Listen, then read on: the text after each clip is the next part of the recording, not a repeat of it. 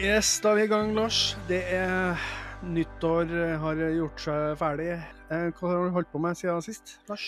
Jeg har eh, hatt en fantastisk eh, juleferie da jeg bare logga helt 100 av. Eh, Jeg skulle jo til Halden på Ja. julepunk. Ja, det blei dessverre ikke noe av. Nei, det har seg nemlig sånn at, eh, at eh, omgangssjuka kom inn i det haldenske hjemmet jeg skulle besøke, eh, og da drar jeg ikke over dit og setter meg og blir med på ram rammefesten sammen Nei. med den familien. Og det er jo dessverre, for jeg har jo sett en del stories og Instagrams og sånt fra denne kvelden, og det så ellevilt ut. Men da blei det aldri skille seg godt for noe. Mora mi var fornøyd, for hun hadde bursdag den dagen, så da kunne jeg være hjemme og feire Ah. bursdagen hennes. da, vet du. Hun blei Ja, ja, ja. Jeg har lyst til å si 71, og da gjør jeg det. Ok. Men det var, det var litt sånn synd for podkasten, for du skulle jo dit og promotere. Du, du skulle bare skamløst promotere. Jeg hadde med meg eh, T-skjorta, capsen, de der små lappene som du har eh, sendt meg i posten, som jeg skulle gå liksom og stikke i hånda. Og jeg ser jo at hun Plinger Ling, som hun heter på, på Instagram, punk, sjølveste punkdronninga som promoterer dette hele tida, hun var jo der! Så jeg kunne jo eh, gjort litt sånn meet and greet og holdt på, men Ja, ja, ja. den gang ei, altså. For at, eh, hvis det er noen i podkastredaksjonen her som skal drive med meet and greet, så er det du. Så når, når, vi, når vi blir invitert til sånn minglemesse, da er det meg vi sender. yes. Ja. Det er utskremt. Definitivt. Det er ikke noe for meg. Ja, men, eh, men ellers, da? Rolig jul. Er du nedsnødd, forresten? Eh, på Sørlandet har det kommet en del snø. Det er jo krigstyper i avisene. Det er mest fordi vi er ikke vant til snø. Så når det kommer en halvmeter, så blir vi helt eh, borti natta og løper rundt som forskremte mus. Men nå har kulda kommet. Minus 17 er her as we speak. Eh, og det er et nydelig vinterlandskap. Eh, Halvmeter snø hos meg. Det er litt verre lenger øst, altså. Så jeg skal ikke le av det. De har meter borti Arendal, liksom. Men eh, eh, nydelig vintervær. Og til, jeg må innrømme det. Jeg er ikke noe glad i snø, men jeg er ikke så veldig glad i den der eh, pluss to, minus to, isbelagte, Nei. svarte, mørke Nei, januar heller. Så jeg vil heller ha snø og kos. Men i Trøndelagen, Frode, åssen er det der? Ja, Hvis du skal være, så er det minus sju. eh, Og så har det blåst som et helvete da, i siste, så det er jo ikke noe artig. For da blir det jo minus Altså det har vært 12 minus og vind. Så ja, følte 25 minus. Så det har vært mye innedager i det siste. Men jeg har jo, jeg, har jo da klart å fylle 50 i mellomtida. Eh, og det er jo det, det hyggeligste med det er selvsagt å gå på Facebook eh, og få eh, ord fra folk som du ikke ante eh, brydde seg om å skrive eh, ord om det. Eh, mer betyr selvsagt mer fra folk som du kjenner og er glad i. Men det er kjempehyggelig. Så eh, hva skal man si om det? Vi snakka litt om det før vi begynte. Men det, det, det er jo ikke sånn at man føler seg som 50 år. Men problemet med det, eh, Lars, at jeg ikke lenger kan si at jeg er i 40-åra. Nei, nå har, nå har det har det gått blitt inn en helt annen demografi her. Nå har du blitt uh, hvit mann over 50, eh, og jeg er fortsatt i 40-åra og un det unge alibiet i redaksjonen. ja, du er ungdommen i redaksjonen. Eh, så det er jo sjukt. Men eh, veldig hyggelig. Så jeg har spist en bedre middag med min kjære. Femretters og vinpakke, og det var kjempekos. Og da, Lars, veldig fin overgang. Ja. Fordi eh, det var min kjære som foreslo dagens tema. For vi var jo vi var jo i juleferie begge to, og kom litt sent i gang med planlegginga. Hun foreslår hva med beste anthems? Og Lars, da må vi Og jeg, jeg falt jo for det med en gang. Sendt melding til deg. Nå blir det anthems. Du var thumbs up. Eh, eller up. Eller up. up. og da, Lars, må vi slags definere hva en anthem er. Og så kan vi gå over i litt sånn boblere og hva dere som hører på, har tenkt om saken. Ja, det er veldig bra, og det, er du som på en måte er den faktaansvarlig på, på kategorien. Ja, jeg la ut en, en video om det. Jeg tenkte du, du skulle liksom ta det derfra, men det gjorde du ikke. er greit. Um, nei, altså, hva er en anthem? Jeg tror det kan du definere akkurat som du vil. Jeg har nå valgt å tenke at der er det store følelser. Det er løft i låta, det er meddrivende, det er allsang. Det er sånn man blir med på nesten om man vil eller ikke. Men i forhold til egen liste, så har jeg gått sånn, sånn teknisk fram med å tenke eh, eh, Nummer én er det den første liksom sånn eh, anthemen jeg oppdaga eller var med på, eller eh, ble som, er ordentlig tenkt. eh, eh, Som, som var den første. Og så er den nummer fem, det er noe av det nyere. Men eh, det er ganske stort sprik i åra her, vil jeg bare si med en gang. Så det handler ikke om når låta kom ut, men når jeg oppdaga den. Ja. Men en anthem, stor låt, øh, og det er sånn typisk øh, We Are The Champions er jo den mest typiske anthemen av dem alle, da. Der alle bare Eller We Will Rock You. Ja. We Will Rock You. De har jo to De har jo to giga-anthems, det er Queen. Ja, og de har jo egentlig en til, spør du meg. Jeg mener jo Bohem Bohemian Rhapsody ja. også er i den eh, ikke, ikke, ikke på samme nivå, altså, men eh, Så Queen er et litt sånn anthem-band. Ja, de er jo ikke de er jo ikke kjent for å ikke være skamløs, eller hvordan blir det? Nå ble norsken med mye fornekt- nekting her. Men de er jo kjent for å være ganske skamløse, Ja. ville jeg sagt. Nei, du, nå forklarte du det veldig, veldig godt, og min, min liste går litt, litt på grad av uh, gåsehud, kanskje. Uh, for det, det, det, det er stort. Og så har vi jo selvfølgelig snakka om eh, Vi har jo snakka om låter før som nok kunne kommet med på lista, som dermed vi diskvalifiserer fordi vi gidder ikke å, å gjenta oss Vi gjentar oss sjøl nok. Vi trenger ikke å, å legge opp til aktiv gjentakelse. Nei. Ja. Så du har gått for gåsehudfaktor, rett og slett? Ja, ja, jo Ja, sånn generelt gåsehud og, og min grad av medrivenhet, hvis det er et ord. Ja, Men nei, kan vi, vi, vi må nesten si litt om eh, sånn, noen eh, låter, eller anthems, som ikke ble med for vår del. Har du noen sånne umiddelbare? Ja, og jeg, og jeg har også fått SoMe-ansvaret, så nå skal vi Ja. skli litt ut og inn av lyttertipsa og sånn eh, også. Og Eh, vi skal, jeg jeg må bare, før, før du begynner, vi skal ha én til fem, da. Eh, eller sa jeg det, kanskje? Kanskje du sa det? Ja, skjønner jeg. Eller så klipper vi bort det her, for det var bare tåpelig. Vær så god, Lars. Jo, jeg har jo eh, slengt inn noen bobler her. da. Blur Song 2. Det er jo en klassisk anthem, spør du meg. Altså, eller har blitt, da. Ve veldig sånn typisk eh, folk river seg med i. Og som også mm, En sang som også Erlend Kleverås, eh, som skal ha skryt for å nok en gang holde seg til spillereglene og bare komme med fem. Takk For dette, jeg sa det. Jeg skrev det.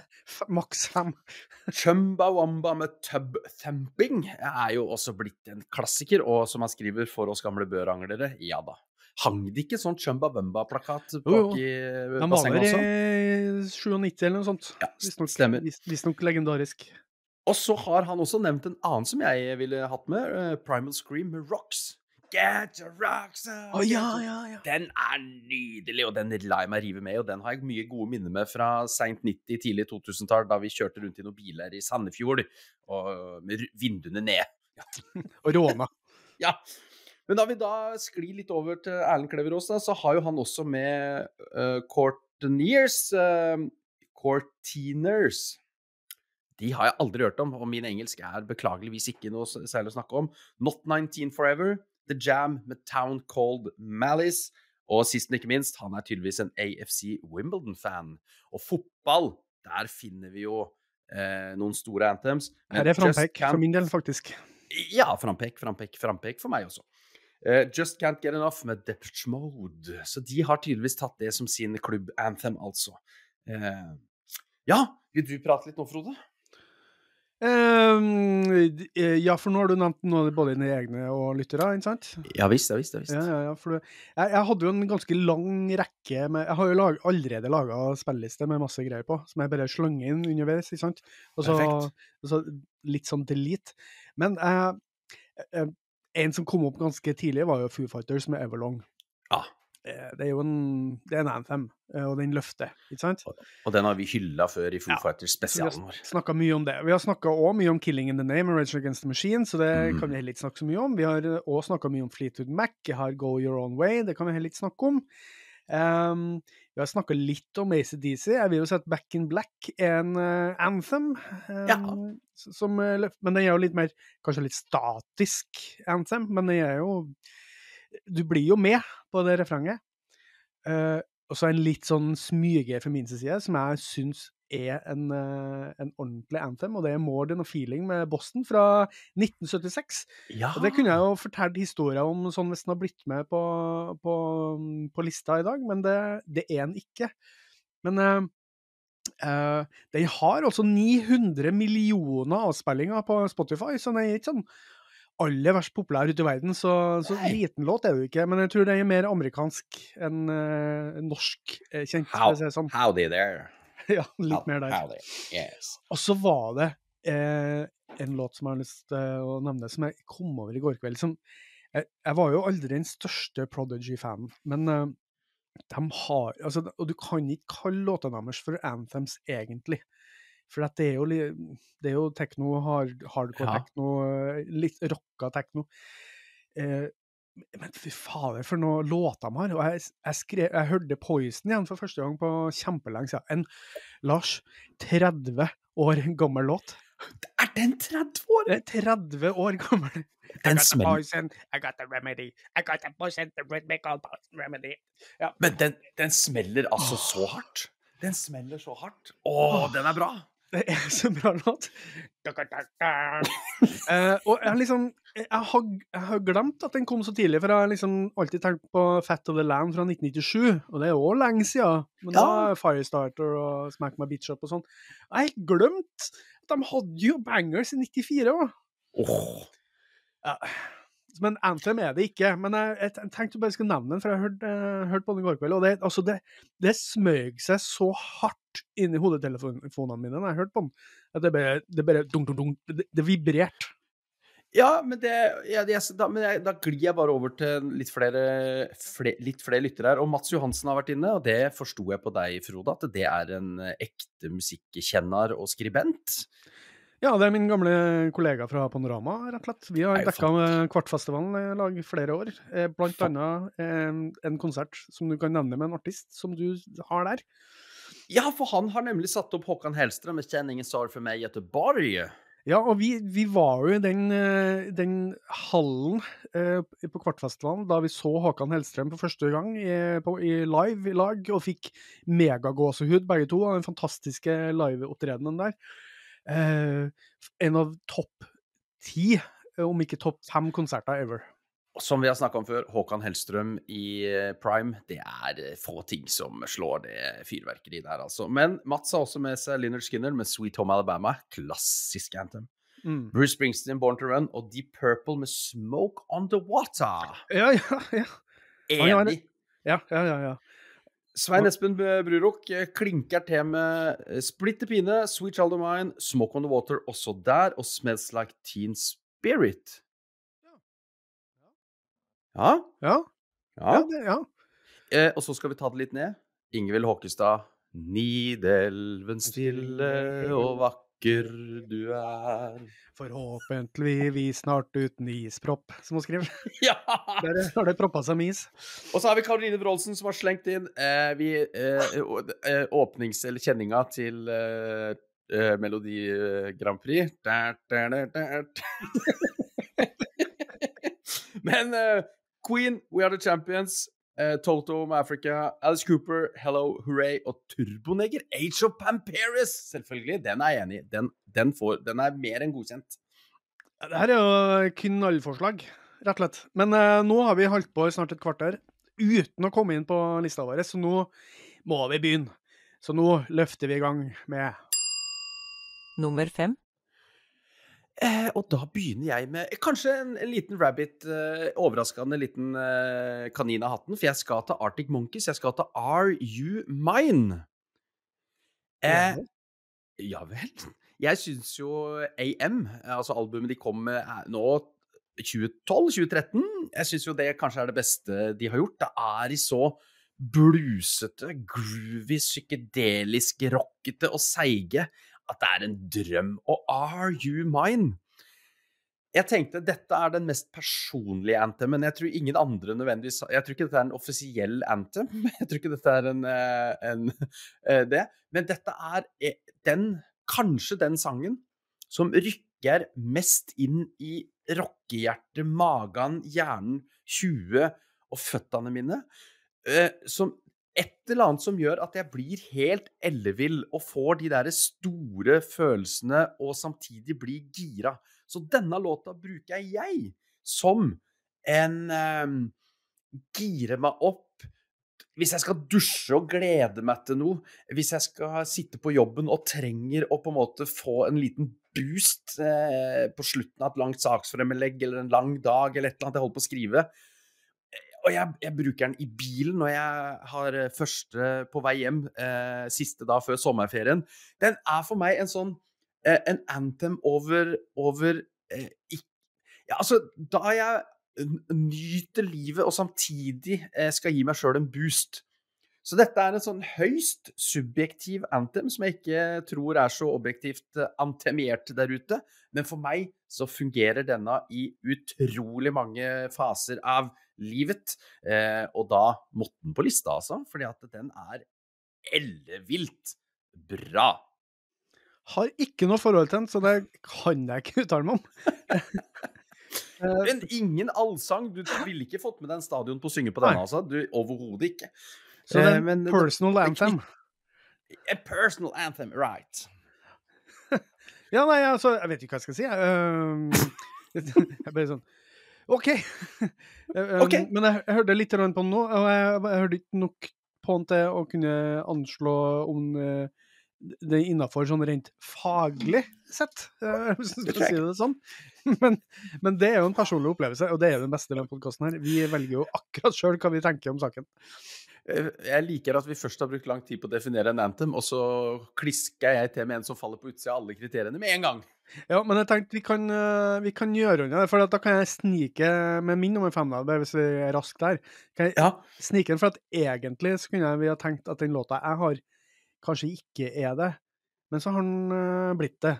Men kanskje ikke for oss Ikke for alle nordmenn, og ikke av de samme grunnene. For vi skal til en låt av bandet James Eh, og låta heter Sit Down. Den er fra 1990. Har du noe forhold til James og Sit Down? Ingen. Nei. Nei. Eh, for uh, bakgrunnen for det her, da. jeg er jo Liverpool-supporter, Lars. Og, er, du det? Ja. Og Lars, hva er du for noe? Eh, jeg heier på det eh, laget som før var ganske gode, som heter Manchester United. Ja, og det her, For dem som ikke er inne i fotballverden, eh, det er to erkerivaler. Det er nabobyer. Det er mm, ordentlig sånn hat mellom de byene. Jeg har ikke så mye hat, for å si det sånn. Jeg har vært utenfor en av de stadionene, og det er ikke Liverpool sin. Det har vi snakka om før, tror jeg. i en annen sammenheng. Ja. Men på Liverpool nå så har vi en av verdens beste fotballspillere, som heter Mohammed Salah. Han er toppskårer. Han er egyptisk. Han er en veldig fin mann. Eh, og som eh, vi som Liverpool-supportere selvsagt har eh, tatt inn i våre hjerter og elsker for alltid. Fordi at han skårer så mye mål, og fordi at det er en fin fyr. Han, altså, de beste spillerne får jo ofte sine egne sanger. Og da er det en eller annen sullik som begynner å lage sin egen tekst en plass på en pub en gang, til en uh, kjent låt, f.eks. Og de har en låt, uh, eller han har fått sin sang, og den går sånn som det høres ut Som har hørtes ut for meg fra TV-en, for jeg har aldri Har dessverre ikke vært på Anfield. Mo Salah, Mo Salah, Mo Salah, running down the wing. Salah, la, la, la, la, la, the Egyptian king. Ja, ikke sant? Veldig sånn eh, eh, fotballsupporteraktig. Eh, men jeg, ble, jeg, så en sak på liverpool.no her eh, før, eller i jula. Altså, altså, jeg har jo tenkt på den sangen før, men ikke brydd meg om det. For jeg er jo ikke, er jo ikke inni det, så det er liksom ikke naturlig for meg å sitte og synge uh, supportersanger foran TV-en. Men der sto det om opprinnelsen til den låta. Og det er jo da, som dere sikkert har gjetta, eh, basert på James sin hit Sit Down. Et band som ironisk nok, Lars, er fra Manchester. Eh, var en, st en, stor del av Manchester-bølgen på begynnelsen av 90-tallet. Eh, og, mm, og, den låta her er deres største låt. 90 millioner avspillinger på Spotify, for å gi Oi. kontekst. Um, og det er jo sånn at, eh, som jeg var inne på, at fotballsupportere er kanskje ikke så gode på gehør, så da høres det litt sånn rart ut. Um, uh, men um, Og den låta her, da, ble jo spilt inn på slutten av 80-tallet, men den uh, kom ut som en sånn uh, ny, ny, ny versjon i 91. Eh, og en litt sånn bakgrunnshistorie. Da de spilte inn den første utgaven av låta, eh, så fikk de nyheter om tragedien på Hillsborough, der fryktelig mange mennesker ble drept. 96 stykker. Eh, og de nyhetene gikk sterkt innpå ham den gangen. Eh, og så det her var en veldig sånn sensitiv og sårbar versjon. Men eh, den neste låta som ble hiten, da, var litt mer hardtslående, så står litt mer i kontrast, kontrast kanskje til en ganske sår tekst. Nådd, altså ble en kjempesuksess. Nådde aldri førsteplassen på singellista i Storbritannia, eh, men hadde tre uker på andreplass. Men i 2013 så ble låta stemt fram til en fjerdeplass over de beste sangene som aldri nådde nummer én i England. Og den går sånn som det her. Sånn cirka, som du, når du hørte Mohammed Salah-versjonen. Oh, sit down, oh, sit down, oh, sit down, sit down next to me. Sit down in sympathy. Ikke sant? Det, jeg vil at du kanskje stopper podkasten nå, så hører du den sangen på spillelista som ligger ved podkasten, så vil du få en litt mer annen eh, følelse av det. Og den låta har altså satt seg så jævlig i huet mitt siden 31.12. Og den er en utrolig bra låt. Og uh, det er en sånn typisk anthem, men du, du, blir, sånn, du, får lyst til å synge med på den, og du kan høre for deg at den kommer på en pub i England, at folk begynner å synge med den fordi at den er bare en trivelig, god, raus låt. Og i beste Liverpool-ånd, da, så har man jo tatt en raus låt eh, og brukt den om en god spiller. Mo Salah, Mo Salah, Mo Salah, running down the wing. Sånn burde det høres ut på en måte. Salah, la, la, la, la, la, la, Egyptian king. Ja. Så eh, en, det finnes jo ikke mer anthem-aktig enn fotballsanger. Eh, derfor er den med, men også fordi det er en veldig god låt. Eh, så det er en slags sånn overgang her til det vi skal komme inn på senere. Jeg skal love at det blir mer kjente låter senere i lista mi. Men det er jo ikke den mest kjente Liverpool-anthemen eh, heller, for å si det på den måten. Jeg kunne hatt med en annen, men det ble litt for opplagt. litt, for, litt for opplagt. Ja. You'll Never Walk Alone jeg, jeg, kan ikke Jeg blir for uh, opplagt. Men uh, ja, når du sier det. Kanskje jeg skulle gjort det. Men uh, en liten fun fact til om den låta. For at han der litt sånn pussige vokalisten i James, da, og som har skrevet låta, han har jo på en måte godkjent at den blir brukt på den måten, da. Men han fortalte en historie om, eh, om, en konsert i Royal Court i Liverpool rett etter at låta sitt an ble gitt ut, i 91. da. For midt under fremførelsen så røyk plutselig gitaristen en streng. Og mens gitaristen fiksa en ny gitar og musikken bremsa ned i volum og tempo, så tok publikum over synginga. Det ble høyere og høyere, og vi slutta å spille, og ble stående igjen og, og lytte. Det varte i omtrent fire minutter. Dette var første gangen James opplevde allsang på den måten. Og at det skjedde da, til Sit Down i Liverpool, er ganske spesielt på tanke på den statusen sangen har i byen i dag, da. Og fra et Manchester-band. Jeg syns det er nydelig, og det viser bare at sånn fotballkrangling har Det er bare sånn på overflata. Nei, det var fint. Å, den likte jeg. Jeg likte den. Mm. Ja, skal vi bare hoppe videre, eller? Ja. Nummer fire. Og vi forlater på et vis ikke fotballen eller sportsverdenen, for nå skal vi snakke om kanskje det som er det mest kommersielle anthem-innslaget på dagens liste, The White Stripes med Seven Nation Army. Mm. Den, måtte, den, måtte med, jeg syns det. Jeg syns den måtte med. Den er jo relativt kjent, det er lov å si det. Relativt mye, mye brukt, eh, både i TV-serier og ikke minst på eh, idrettsarenaer rundt om i den ganske jordkloden for å fyre opp og få publikum med. Eh, til og med gamle tanter, også i USA, der de alltid har den der store fingeren. Så sitter de sånn og, øh, og, og, og rocker med. Det er helt fantastisk, ikke sant? Um, og, og, den er jo Låta er jo på mange måter utrolig enkel. Mm. Eh, men det enkle er det beste, altså. Eh, de likte jo å kalle seg søsken, eh, Jack og Megan White, men de var jo egentlig gift. Så har vi fått avklart det, hvis mm. dere lurte der ute. Mm. Og, og, White Stripes var jo da en garasjerock-duo, og en av de fremste lokomotiva i den garage revival seint 90 og så utover på 2000-tallet der, da. Um, og jeg har jo vært på konsert med White Stripes mm. i 2002. Altså året før Elephant, dette, ja, dette bautaen av et uh, rockealbum kom ut i 2003. Så jeg har ikke hørt Seven Nation, uh, Seven Nation Army live, for den spilte de ikke på Roskilde i 2002. Uh, men jeg har jo sett en del konsertopptak, og den låta, den, den smalt jo inn. Om ikke White Stripes var kjent fra før, så eksploderte det på Elephant. Og Elephant blir vel regna helt der oppe i sånne betydningsfulle album og gode album og, og alt mulig. Og eh, siden den gang eh, så er det jo én låt som publikum skal høre.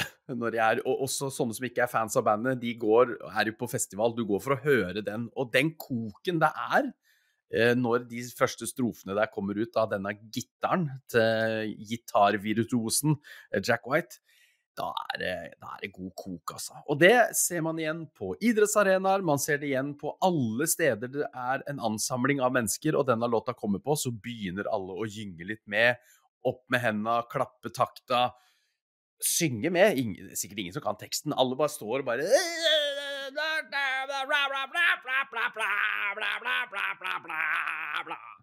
eh, Så det, den, den Det var veldig fint, Lars. Takk. og, og jeg digger låta, jeg digger albumet, jeg digger bandet. Eh, så dette er en klassisk Jeg tror ja, nå må jeg se litt på lista. Ja, ja, jeg tror kanskje dette er den aller mest eh, kommersielle og brukte som er på dagens liste. Tror. Tror. Jeg vil si at den definitivt den mest brukte. Eh, fordi at den er jo begynt å leve sitt eget liv. Jeg leste et intervju, eller så et intervju med Jack White eh, om det der at eh, han bare Han laga en låt som var ganske rask å lage, ga den ut til verden, og så plutselig har bare verden tatt over den. Ja.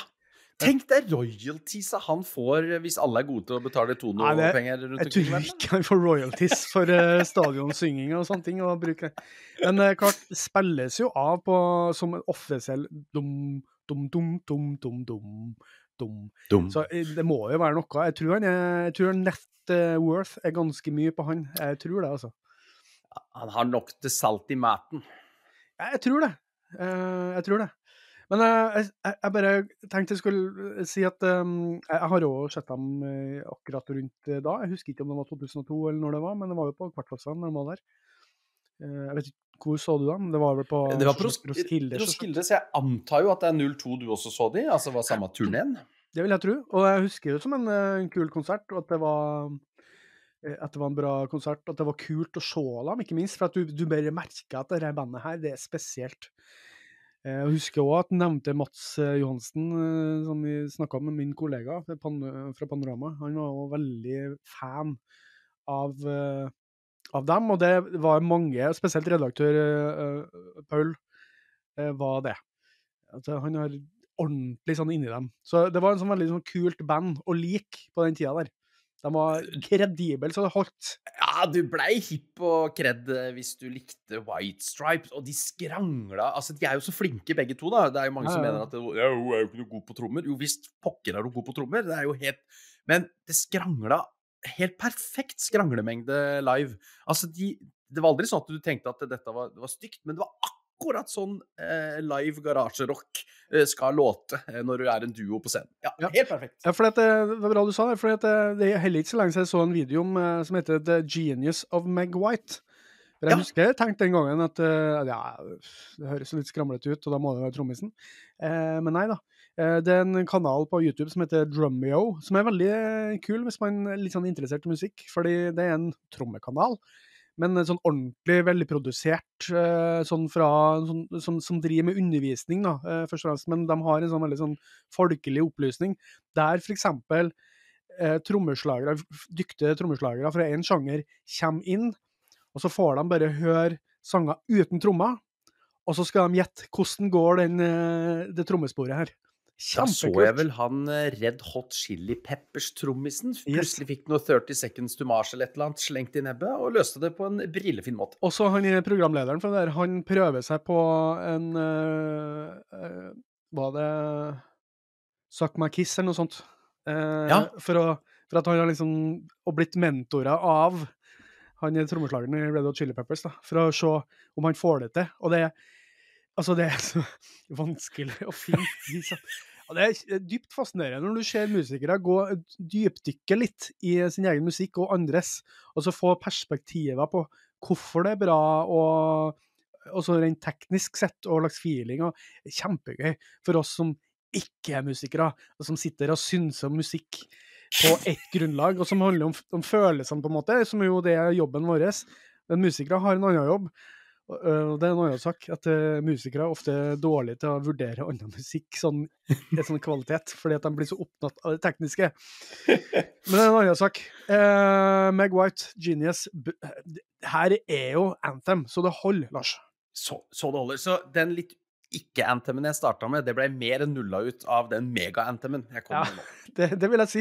For det, er, det er, for det her er en anthem som egentlig bare er bassporet. Eller Ja. altså gitar-bass-sporet, på en måte. Ja. Uh, og så jeg fant Ja, altså, enn å få det hooket, så altså, det må jo være kanskje tidenes beste hook.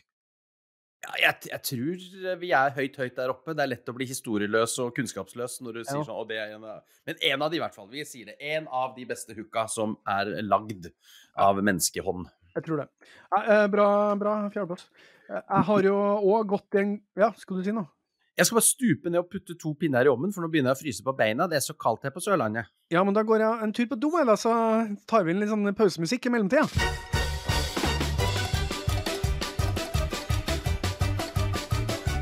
Og der var vi tilbake. Velkommen. Jeg prøvde meg på en halvveis Roar Stokke, men jeg fikk ikke helt det. Eh, min låt er òg en svær eh, låt. Eh, og som sagt, eh, som jeg sa til å begynne med, at jeg prøver å gå kronologisk tilbake til når jeg først oppdaga en låt. Så James oppdaga jo i, i jula, eller hvis vi, hvis vi er rause, så oppdaga han i 2018, når den kom som en eh, Mohammed Salah-sang. Men jeg har eh, da sjølsagt Eller ikke sjølsagt, kanskje, men jeg har Green Day med Basket Case. Oi, oi, oi. oi. 1994. Ja, jeg oppdaga den jo i, i 1994.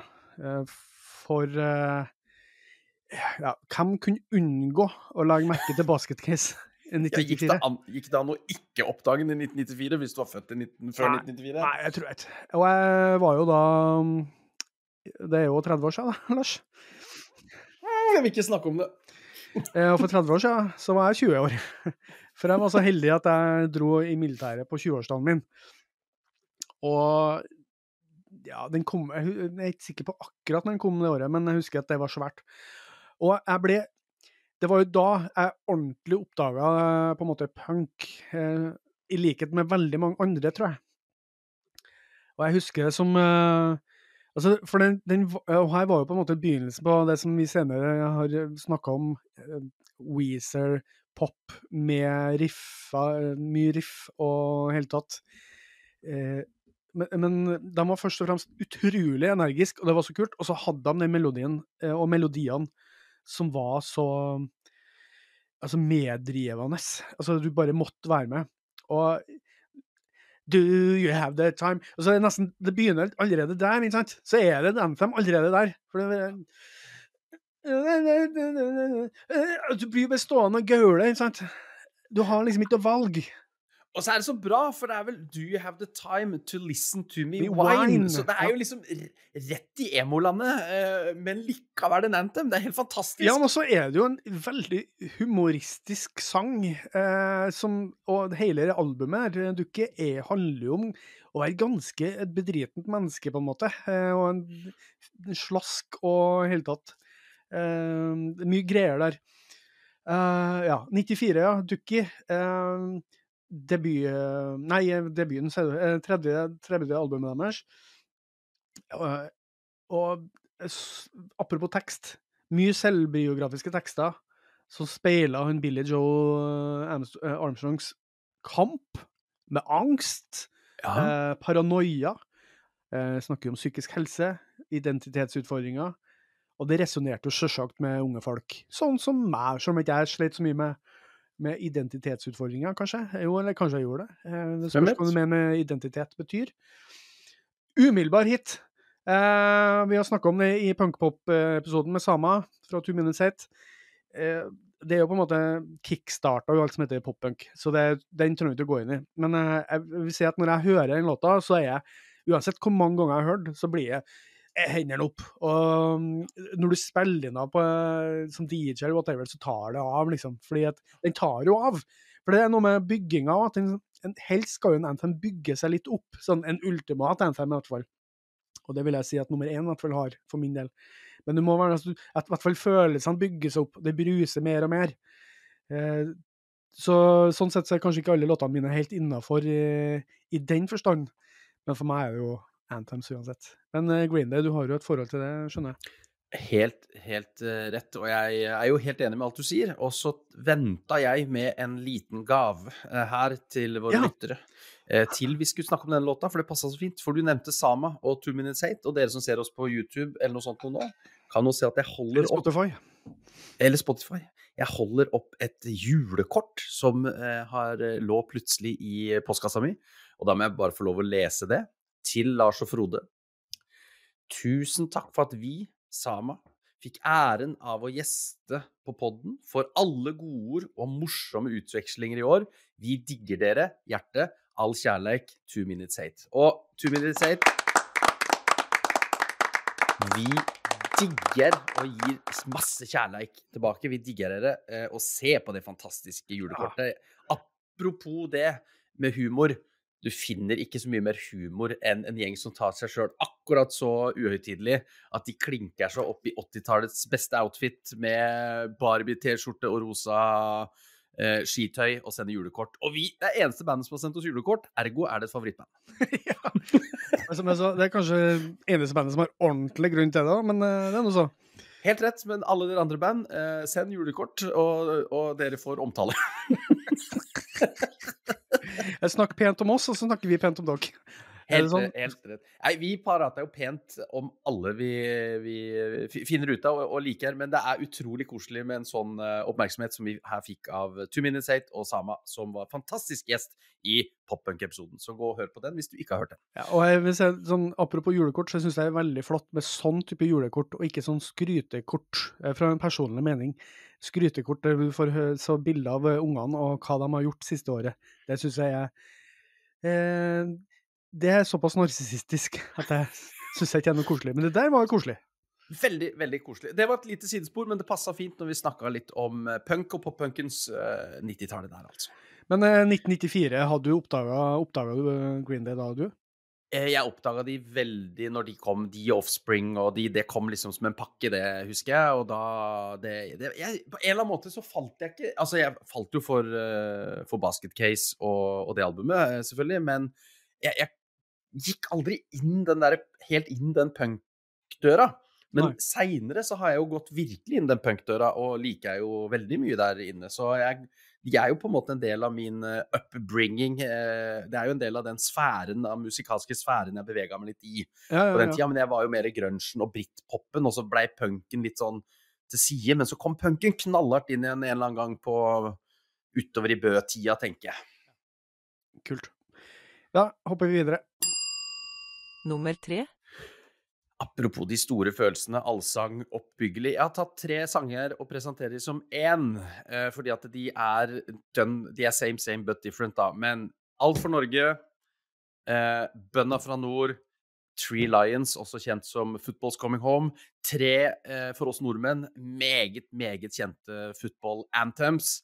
Og det er jo, som Frode var inne på i sin startlåt, det er jo ingenting som fyrer stemninga så mye som da eh, hovedsakelig menn, men også en del kvinner, da, står tett i tett sammen på en fotballstadion og kan synge eh, høyt eh, med den stemmen de har, eh, til eh, eh, en sang der du får den tilhørigheten, samholdet, forventningene. Alt bare bygger seg opp. Og så blir det jo laga så jæklig mye ræl av fotballsanger, men her har vi, syns jeg, tre eksempler på at fotballsanger kan funke dritbra. Vi tar Alt for Norge først, eh, veldig kjapt. Den offisielle sangen til USA-VM, altså første gang Norge i nyere tid har sp- skulle spilt et mesterskap. Drillo, Drillo-fotballen. Eh, Og fremført av Jørn Lande og selvfølgelig eh, Fotballandslaget var også med å synge litt på den. Det er alltid kleint å se på, da. Sånn musikkvideoen der et fotballag står sånn og skal synge med, og fy faen. Men uh, den er komponert av Torstein Flakne. Stage Dolls og de. Jørn Lande er jo Jorden, uh, er han jo mest kjent som nå, men han har jo en merittliste langt som et vondt eller godt år. Eh, og så er det Ivar Dyrhaug av alle som har skrevet teksten, og alle husker, alle husker denne. Apropos 1994, vi er jo Ikke sant? Eh, vi gir alt, alt, Alt for Norge. Og, den- og den er i den eh, kategorien litt sånn seig. Alle skal være med å synge, og har du fått i deg ti øl før kamp, så er du fortsatt med å synge. Du, her, du detter ikke ut av denne. Um, og Jeg- husker jo Ja. ja. Nei, Gjør ferdig din husk, så skal jeg komme med min husk. Ja, for jeg husker jo veldig godt Vi satt hjemme, og det, dette var før flatskjerm og 70-tommers TV. Vi satt hjemme på sånn 21-tommers. Eh, Samla en hel haug av gutter. Eh, vi var en sånn 10-15-20 stykker nede i en kjellerstue og sa, så på en 21-tommers. Og vi så den kvalifiseringskampene. Det var Polen, og det var Nederland, og det var alt mulig rart. Og, og det tok liksom så av. Og så satt vi da, i pausen, satt vi på, for den kom jo et lite stykke før der, eh, når, når de første kampene i VM begynte, eller før VM, så, så samla vi oss. Da satt vi utendørs, for det var jo på sommeren. Og da satt vi på denne låta. Og vi sang og gavla og var helt idioter. Og den, den, det, den følelsen, den Du må ja, den det, Selv om ikke du liker fotball, den følelsen må Den, ja, den er så god! Å kjenne så, så samhold og tilhørighet med en gjeng, og klemme hverandre og kysse og kaste, hverandre, kaste rundt halsen på hverandre. Bare av en sang. Det er helt fantastisk. Vær så god, Frode. Skal du Nei, be, mitt, mitt minne, sterkeste minne med er det jo når jeg faktisk var i militæret, for det her er jo 30 år siden. Uh, og, og eh, Eller, ja, det var jo før 94, eller var det før 92? Nei, Det var før 94, ja. Fordi eh, da hadde den sangen kommet, jeg var i militæret, og vi eh, husker ikke hvordan vi fikk til det, men eh, en gjeng i troppen min, vi tok buss opp til Oslo for å se Norge-Danmark, eh, privatlandskamp før, før USA-VM der, som var 1. juni 1994, da Norge slo Danmark 2-1. Eh, Jeg husker jeg sto eh, og kikka ned på Peter Schmeichel, kjent eh, United-keeper, og han sto og kjefta og small. Og vi bare fuck you, fuck you. Men jeg husker aller, aller best var jo det at vi sang den sangen Ja. hele veien opp fra Fredrikstad til Oslo, i bakerste bussen der, med masse øl, og hele veien tilbake til Fredrikstad. Så den var jo så lei av den, men det var jo så nydelig, for det var jo en liksom troppsamhold, og det var liksom landslaget, det var Norge, det var VM, og husker vi satt eh, vi var, når, når et par av de kampene gikk, så var vi på øvelse ute i skogen, men vi fikk lov til å sette opp en TV i et telt, så vi så kampene.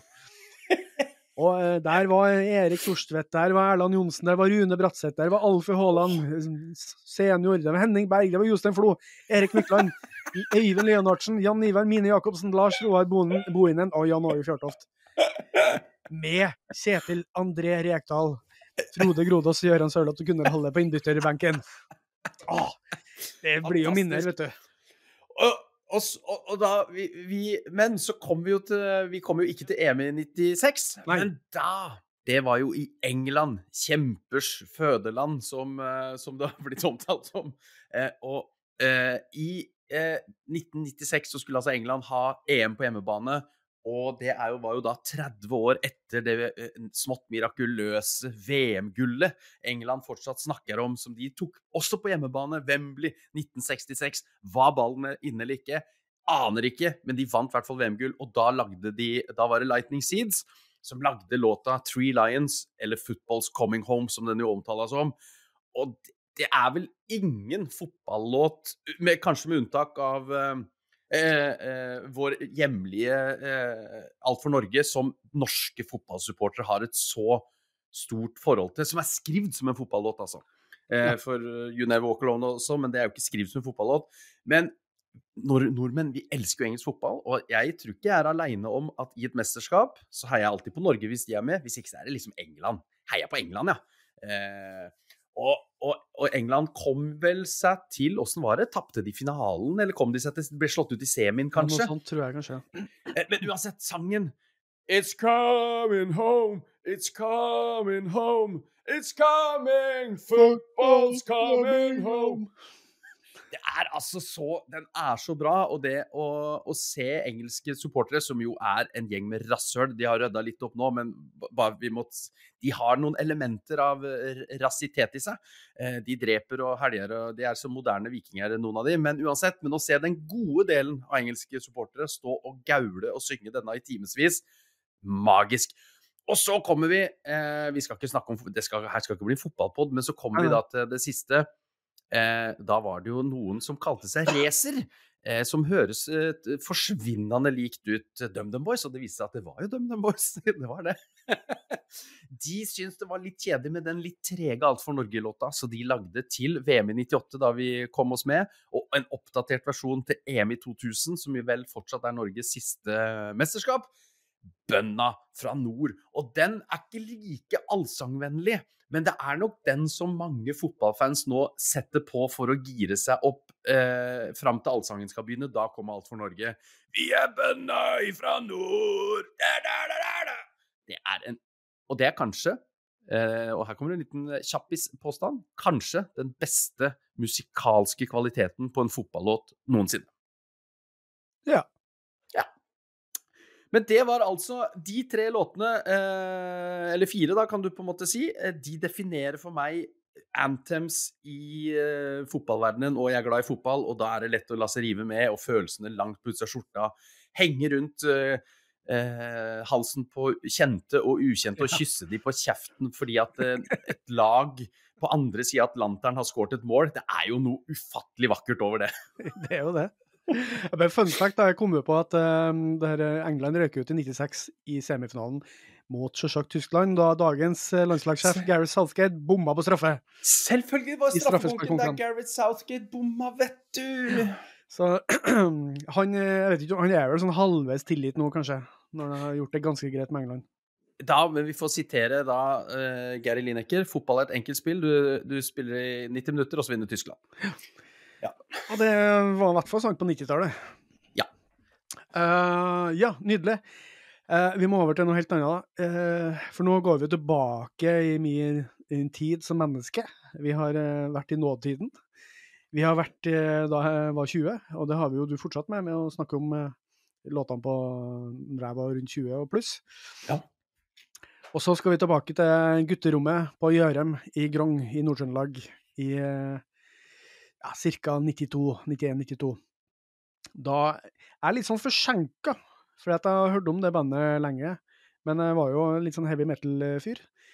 Da endelig kjøpt eh, Holy Diver-albumet til Dio. Eh, fronta av Ronny James Dio, eh, som eh, jo har vært innom en del kjente band eh, før den tid. Men uh, det var liksom den store solodebuten på en måte hans, derfor det var hans band. Og det her starter jo eh, sånn med nummer Altså, den har en det Albumet her starter med en annen låt, men Holy Diver kommer som nummer to.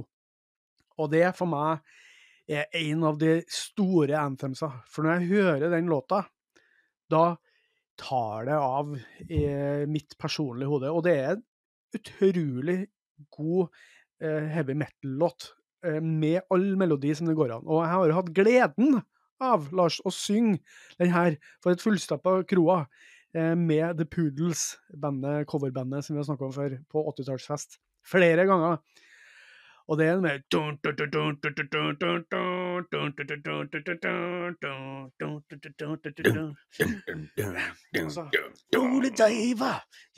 Altså, det er, altså, det er jo en av tidenes beste metallvokalister, sånn generelt.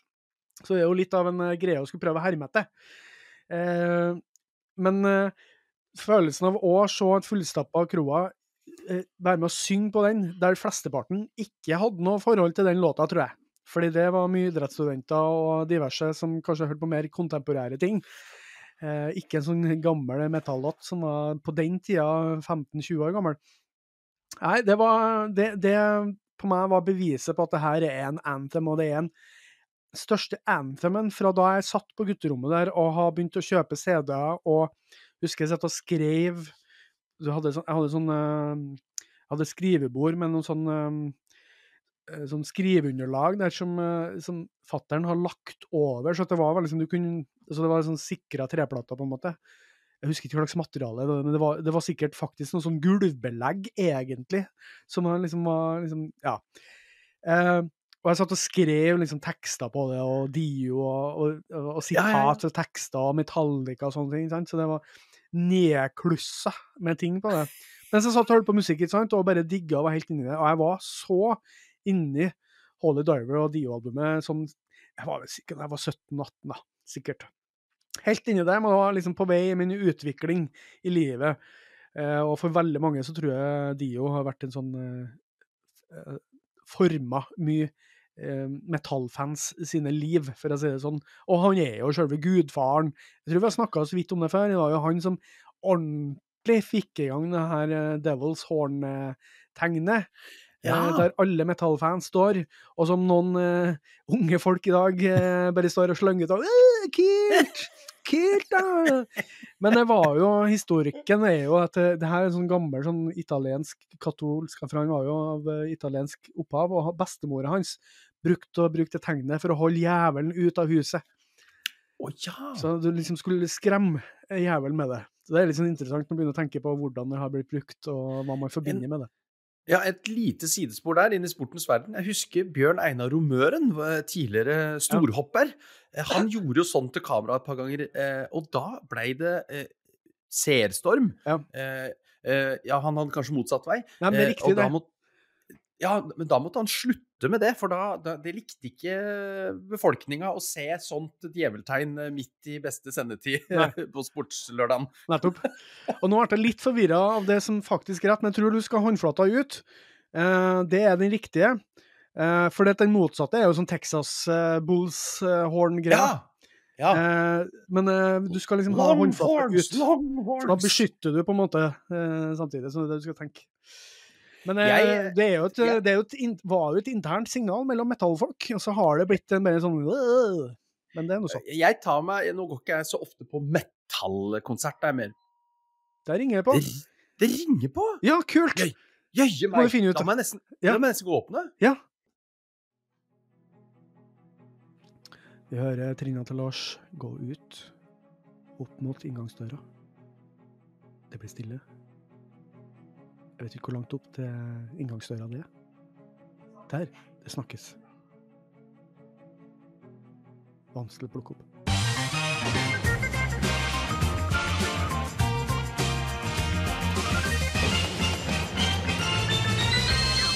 Se det.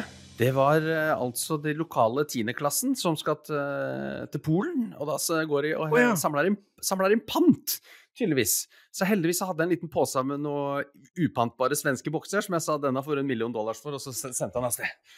Å ja, så stille. Her, ta. Vær så god. Vær Stikk. så god. Ja.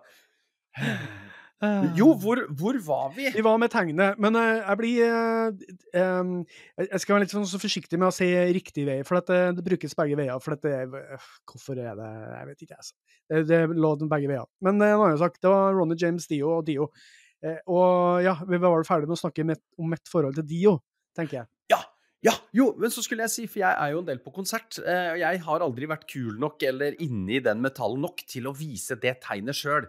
Jeg kjører veldig ofte bare en knytta neve Ja. opp i, opp i været, og det er på en måte min konserting. Og noen ganger, hvis jeg er veldig glad, så åpner jeg en, så står jeg på en måte litt sånn Litt som en god pastor. Ta imot! eh!» Sånn. Det er min Så jeg har aldri kommet meg inn i det tegnet der, rett og slett. Ja, men du har jo aldri liksom ordentlig innrømt eh, at du eh, Altså, du liker metall, men du har liksom du har ikke følt deg som en del av the community. Nei, jeg er eh, Jeg går, eh, jeg går liksom på ganske hard eh, musikkonsert, men så er jeg han, han, som kommer, han som kommer i blå skjorte, liksom. Han er jeg. Og så tenker de hva er det for en dust? Og så blir jeg stående sånn, jeg òg. Men jo da, nei, så jeg er Altså, ikke helt inni Du me mener at du kommer i BI-uniform, eller at du kommer i blå T-skjorte? jeg, kom, jeg, kommer i BI-uniform og nysleika hår. For det har jeg aldri sett deg. Nei, nei, nei. nei. Men jeg, jeg er liksom ikke helt inne i den metallgjengen. Det var det jeg skulle fram til. Sjøl Selv om jeg deler musikksmaken. Ja, det er jo sånn herlig, for det må man ikke være. Men man kan bare, hvis man viser det med noen eh, f.eks. viser sånne tegn, så kan Ja. det automatisk være en del av gjengen. Ja, Veldig, veldig fint og åpent, eh, men jeg har ikke så ofte følt meg som en del av For du vet sånne langhåra metallfolk, og som du ser ordentlig er inni det, Mm. det virker ikke så veldig inkluderende, egentlig. Men eh, hvis du kommer i snakk med dem, så er de som regel ganske åpen. Det er, det er helt, helt rett. Det er helt rett. Ofte så er de så koselige og snille eh, og ømme og omtenksomme som dagen er lang, men de har bare en voldsomt skummel fasade. Men du, du hadde ikke noe forhold til Dio, eller? Nei, nei, nei. Jeg har, men jeg har vært på konsert med et band som heter The Poodles. og da hørte jeg den låta, og det, du synger den jo. Du, eh, for du omtaler deg ikke sjøl som musiker, Frode, det er helt greit, men at du har en eh, voldsomt flott stemmeprakt, det må jeg få lov å si. Ja, å si. Hadde, i hvert fall. Ja, hadde. ten hadde tendenser til det. Eh, jeg, så, jeg kom over et gammelt bilde av deg da, da du var scenevakt. Da jeg satt og mimra litt her eh, og kikka over bilder i forbindelse med den store 50-årsdagen. Ja. Da så jeg scenevakten Lars eh, stå forrest der, med litt korte skjegg, eh, litt mer eh, farge i eh, håret, og kanskje litt rundere i kjakene, sånn som jeg var på den tida. Ja, litt rundere i kjakan og litt høyere tetthet av Ja. hårstrå, eh, for det har begynt å bli fryktelig tønt. Ja. Har ikke helt tatt det av meg, da. All right. Nummer to. Da skal vi over til et av Det er store ord, men et av tidenes mest innflytelsesrike og gode band, The Who. Eh, og vi skal til låta Baba O'Reilly. Eh, Who's Next 1971, åpningssporet. Eh, Who's Next har jeg vel eh, prata litt om før, eh, fordi at det er et av mine favorittalbums. Eh, fantastisk, fantastisk band og fantastisk plate. Pete Townsend har jo, som så mye annet i The Who's katalog, skrevet dette. Han er vel en av de store låtskriverne i vår tid, eh, er vel lov å si det. Egentlig tenkt som en del av en rockeopera etter den fantastiske Tommy-rockeoperaen i 69, eh, denne låta her, men eh, den forslaget til ny rockeopera blei skrapa, en del av låtene overlevde og blei med inn da på Who's Next. Og ifølge internettet så er det en slags todelt forklaring på låta. For egentlig så er det mange som kaller låta for Teenage Wasteland, for det er jo det de synger i refrenget. Eh, og ifølge internettet så har altså Pete Townsend sagt at eh, det var todelt. Det, er, det lå så mye søppel igjen på en eh, konsert de hadde på Isle of Wight i 1969. Etter all den ungdommen, så han eh, likte ikke helt det. Og så var det også det totale kaoset av eh, eh, eh, syret eh, ungdom på Woodstock som fløyt rundt. Som også var liksom det teenage wastelandet. Og, og, og refrenget er jo Teenage Wasteland, Only Teenage Wasteland, uh, uh, We're All Wasted. Ikke sant? Så det er jo Det har blitt en sånn der, det har blitt en sånn ungdomsopprørs-anthem på mange måter.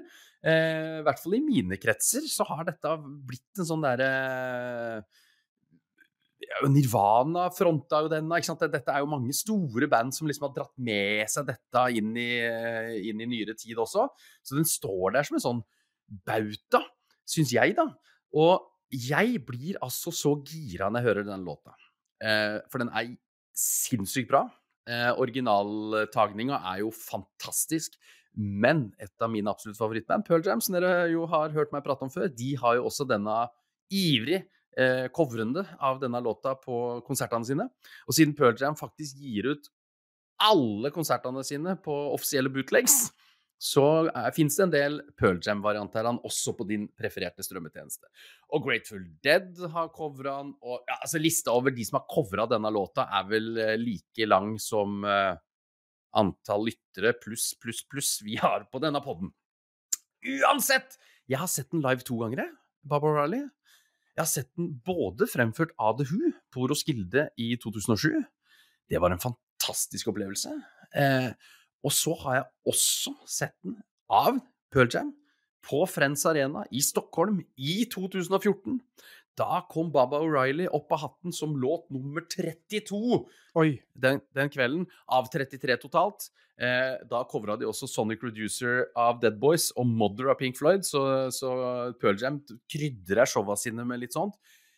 Begge gangene, både originalen Altså Ja, det er jo originalt til Who, eh, for det var jo original sanger og Pete Townsend og de, men det er jo ikke Det har jo vært litt frafall. Men både originalen The Who og, og Pearl Jam sin versjon sett live ga meg totalt gåsehud, og jeg så på mitt medpublikum at det var ikke bare jeg som har et godt forhold til denne låta. Da var det god eh, skrålefaktor i Teenage Wasteland! Oh! Da sto vi, og da sto vi med knytta never, eller åpne never. Det var ikke så mye, dov, ikke så mye djeveltegn, men da vi Da var det god stemning, altså. Det er ikke en devil, det er ikke en Devil's Tang eh, design-låt, det er en knyttnevelåt. Det er en knyttnevelåt. Uh, We're all wasted! Bah! Bah! Ja. Så dette Hva- er for Tenk på at de så utover Teenage Wasteland der og da. Det tror jeg kanskje de kan ha tenkt. Å, nei, så eh, Barbara Early, The Who, fantastisk låt, fantastisk band. Og hvis dere der ute mot formodning ikke har hørt den, eh, så sett på spillelista og klink den på full guffe og bli bergtatt. Du, nå er jeg nesten litt sur for at du kom på den, Hva ikke jeg. For det er jo en av de beste låtene ever. Sånn, og Ja, det er det det. er jo en anthem fra en annen himmel, altså. Ja. Eh, første gangen jeg hørte den låta, var jo via en liveversjon fra Van Halen, faktisk. På en, Ja, en liveversjon eh, på plate. Eh, og jeg tenkte hm, kul låt. Men originalen er bedre, selv om Van Halen liksom er mitt gamle favorittband.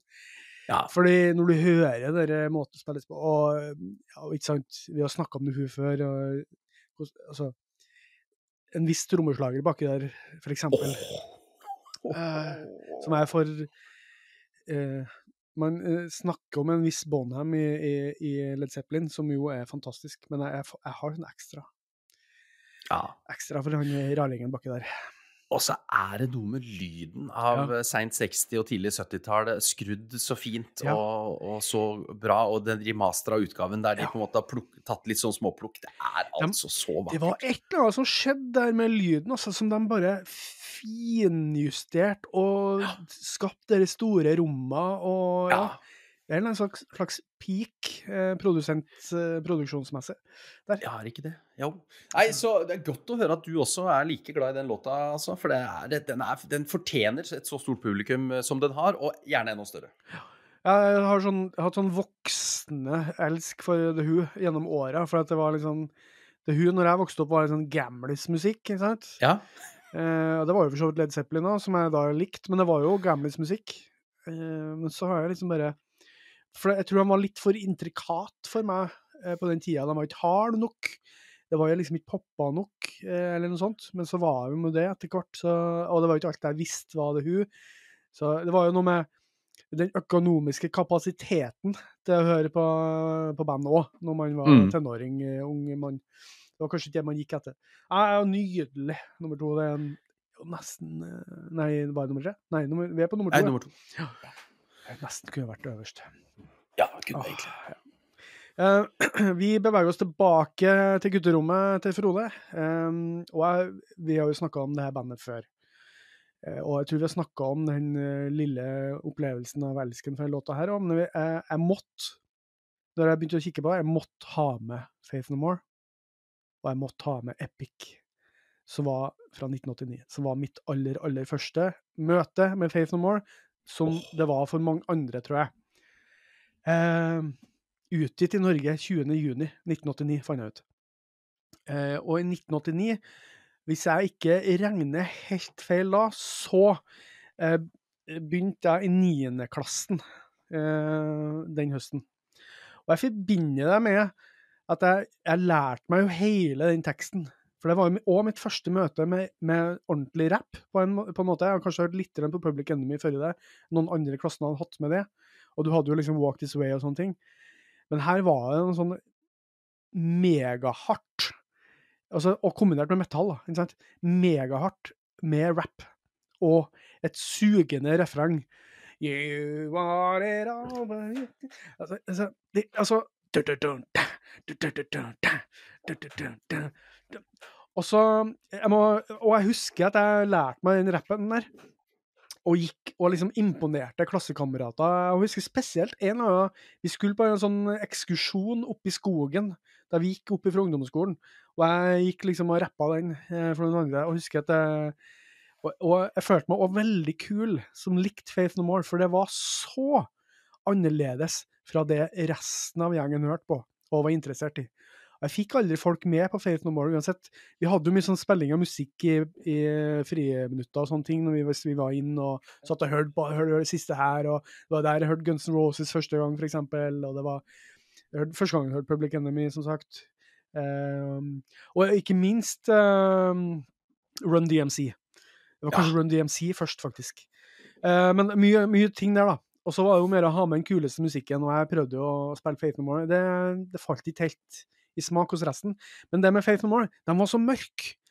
Og det albumet er så mørkt, og det er så rart og seigt og pussig. Jeg husker jeg satt på gutterommet mitt der og hørte på, på eh, The Real Thing-albumet, som var det tredje eh, studioalbum for øvrig. Eh, og den blandinga av funk og rap og progressiv metal og rock eh, som bare gikk i helt sånne rare vendinger. Det var produksjonsmessig helt pussig, og de hadde jo De eh, snakka om før at de, eh, de covra Warpigs av Black Sabbath, som vi snakka om i Black Sabbath eh, eh, Nei, episoden om beste band på B. Ja. Eh, det var Altså, jeg gikk altså, Det å være eh, da 15 år, og så oppdage eh, den derre verden der, som var helt annerledes. Det var skjellsettende, på en måte. Det var en sånn Å, faen, kan det være sånn? Og det, det gjorde det var, Jeg kjente at ting endra seg inni meg. sånn eh, at det, altså, det ble på en slags sånn åpning for mørket i meg, men på en trygg måte, da. Eh, for det var jo litt vondt, og det var stygt, og det var ikke alt som var liksom Det var ikke en sånn godfølelse å høre på det. Jeg tror det var der og da jeg lærte at musikk kan være utfordrende, men bra, hvis du skjønner. Å, det er godt snakk! Det er godt snakk. og Epic eh, i sin er jo akkurat det, for det er jo en hard, fæl låt, og så har du sånn, litt sånn milde eh, refrenget. Det er det som gjør. Og så har du en avslutning ikke sant, med pianoet som er eh, eh, både vakkert og eh, urovekkende på en gang. Og hvis du har sett videoen, så er det òg litt sånn urovekkende hele greia. Så det er en sånn eh, true Det er sånn truende. Det er noe truende med hele greia, men eh, tilgjengelig på en eller annen merkelig vis. Så epic for meg er epic. Altså, det ligger litt i ordet. Epic, det er epic. Det er det en anthem skal være, og jeg føler at det er en god kandidat. Her leverer du Her leverer du terningkast seks! Eh, ingen tvil. Jeg kom jo ikke inn i Faith No More-verdenen før eh, King for a Day, Fool for Lifetime. 95, har jeg lyst til å si. Yes, fantastisk. Eh, og, men da jobba jeg meg selvfølgelig bakover. Angel Dust og The Real Thing og Epic. Jeg har litt av det samme. Når den kom på der ikke sant, Du hadde jo fått en følelse av hva, hva er Faith No More, men de er jo også litt sånn konstant forandring over et tema, da. Men Epic står der som, et episk, eh, som en episk låt. Da. Det er ingen tvil. Og den Jeg tenkte litt på det. Den, den starten og den rappinga kunne man lagt på Ståle Stil pizzafyll på den? Og jeg, lurer på om det er noe sånn- lurer på om det er der Ståle Stil kommer fra. Det er jo litt sånn eh, 80-tallsrapp der, da. Det er jo litt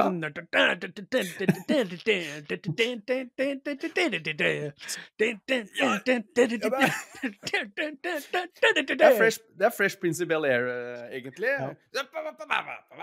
Ja. Det er en slags melodi i rappen, liksom. Men helt, helt, helt fantastisk eh, låt fra et fantastisk band. Eh, og nå blir Lasse Tøversen glad, for dette er jo et av hans absolutte favorittband. Og han er jo en kjent og kjær lytter, men uansett utrolig bra valg, Frode. Ja, tusen takk. Eh, og jeg syns alle bør gå og høre på The Real Thing, og høre hvor The Real Faith No More begynte. Eh, og så kan man jo eh, jobbe seg videre til Angel Dust, og ikke minst King for a Dale Fool for a Lifetime. Fantastisk titulert album, fantastisk album. Som vi har snakka om før. Åh, ja, jeg, åh, jeg var så glad jeg fikk snakka om den låta. Eh, og alt det her Ingenting som er planlagt. Jeg har ikke skrevet et ord. Det bare kom. Oi! Ja. Fantastisk. Det jeg har skrevet, var 20. juni 1989. Nummer én. Og jeg har eh, eh, Her har jeg på mine notater skrevet Ja, vi elsker dette landet. Det norske solistkor. Eh, og så har jeg ikke skrevet noe mer.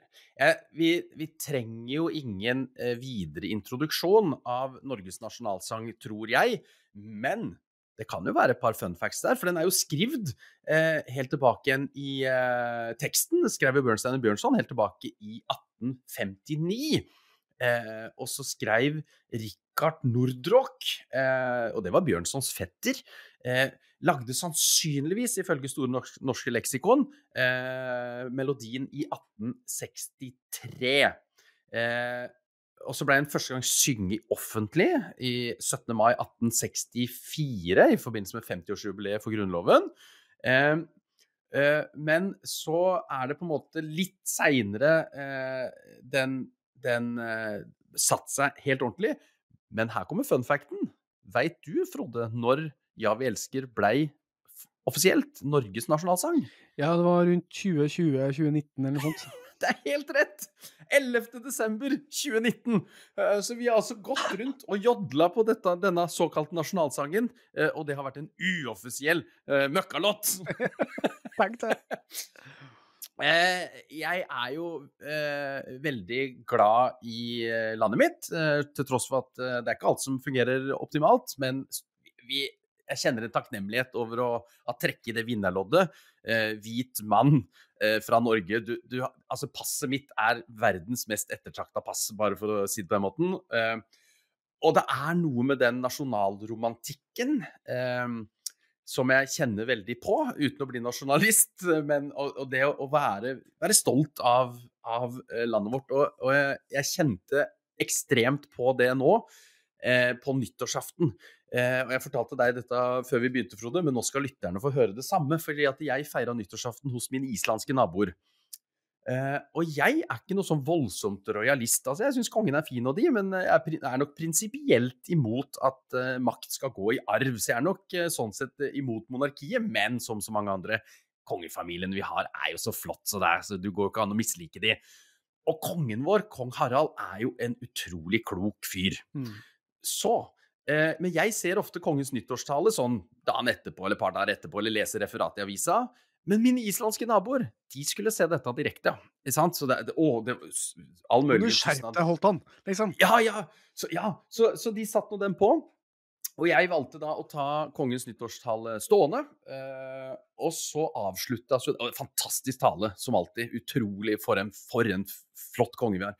Eh, og så avslutta jo det med Det Norske Solistkors versjon av Ja, vi elsker.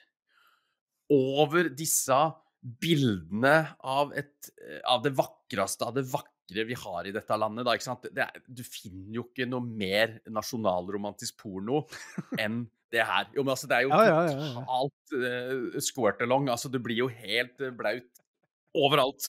jo, men sånn. Og da Jeg hadde jo tatt meg et par øl, jeg. Eh, men jeg sto der og, og la handa på hjertet, lokka øynene, og så kjente jeg at det begynte å trille en tåre Åh. nedover. Og det er jo definisjonen på en anthem, altså the national anthem, eh, som fremskaffer sånne følelser. Eh, og, og en, igjen, da, en, en stolthet over å være norsk, men også en ydmykhet og en takknemlighet eh, over det fantastiske landet vi, vi bor i. Men da kjente jeg, herre min, den, den låta der, den er jo helt utrolig bra. Eh, for den er jo bra i mange versjoner. Eh, men jeg har fått litt nok av halvdårlige korpsversjoner som på en måte trekker den litt. Ja. Men å høre den norske solistkors eh, helt eventyrlige framføring av denne låta, og høre låta i hele sitt Jeg veit ikke om de sang alle åtte versa, men de synger i hvert fall mye mer enn det jeg kan av den låta. For et for, altså for en stemning, for en eh, Ja, da, da smelta jeg Eh, og blir som en bløt bløtost. Da går jeg fra hardost til bløtost. Da er det bort med metallen og inn med bløtosten. Kjære vene. Så ja, vi elsker. Fantastisk eh, i mange versjoner, men eh, ikke, så, ikke, så, glad i sånn korpsversjon. Men eh, eh, flott, flerstemt eh, sang av kor med flinke folk. Og kjære vene. Ja, vi elsker dette landet, altså. Og vi, vi det ja, nei, det er fantastisk. Skal ikke si så mye mer nå. Nei. Jeg syns jo det er helt nydelig, da. At, uh, at, du kan Altså, du Det var på tide at noen løfta den som en national anthem. Yes! Altså, det er jo the anthem over all anthems. Altså, Selvsagt for vår del, da. Uh, men jeg har hørt mye rare nasjonalsanger i mitt liv som ikke er mye syngbar eller forståelig som ikke har noe løft eller noe som helst.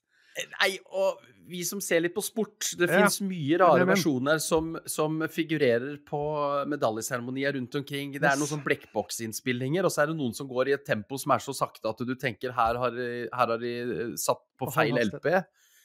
Eller motsatt. At det går kjempefort. Eller motsatt. Ja.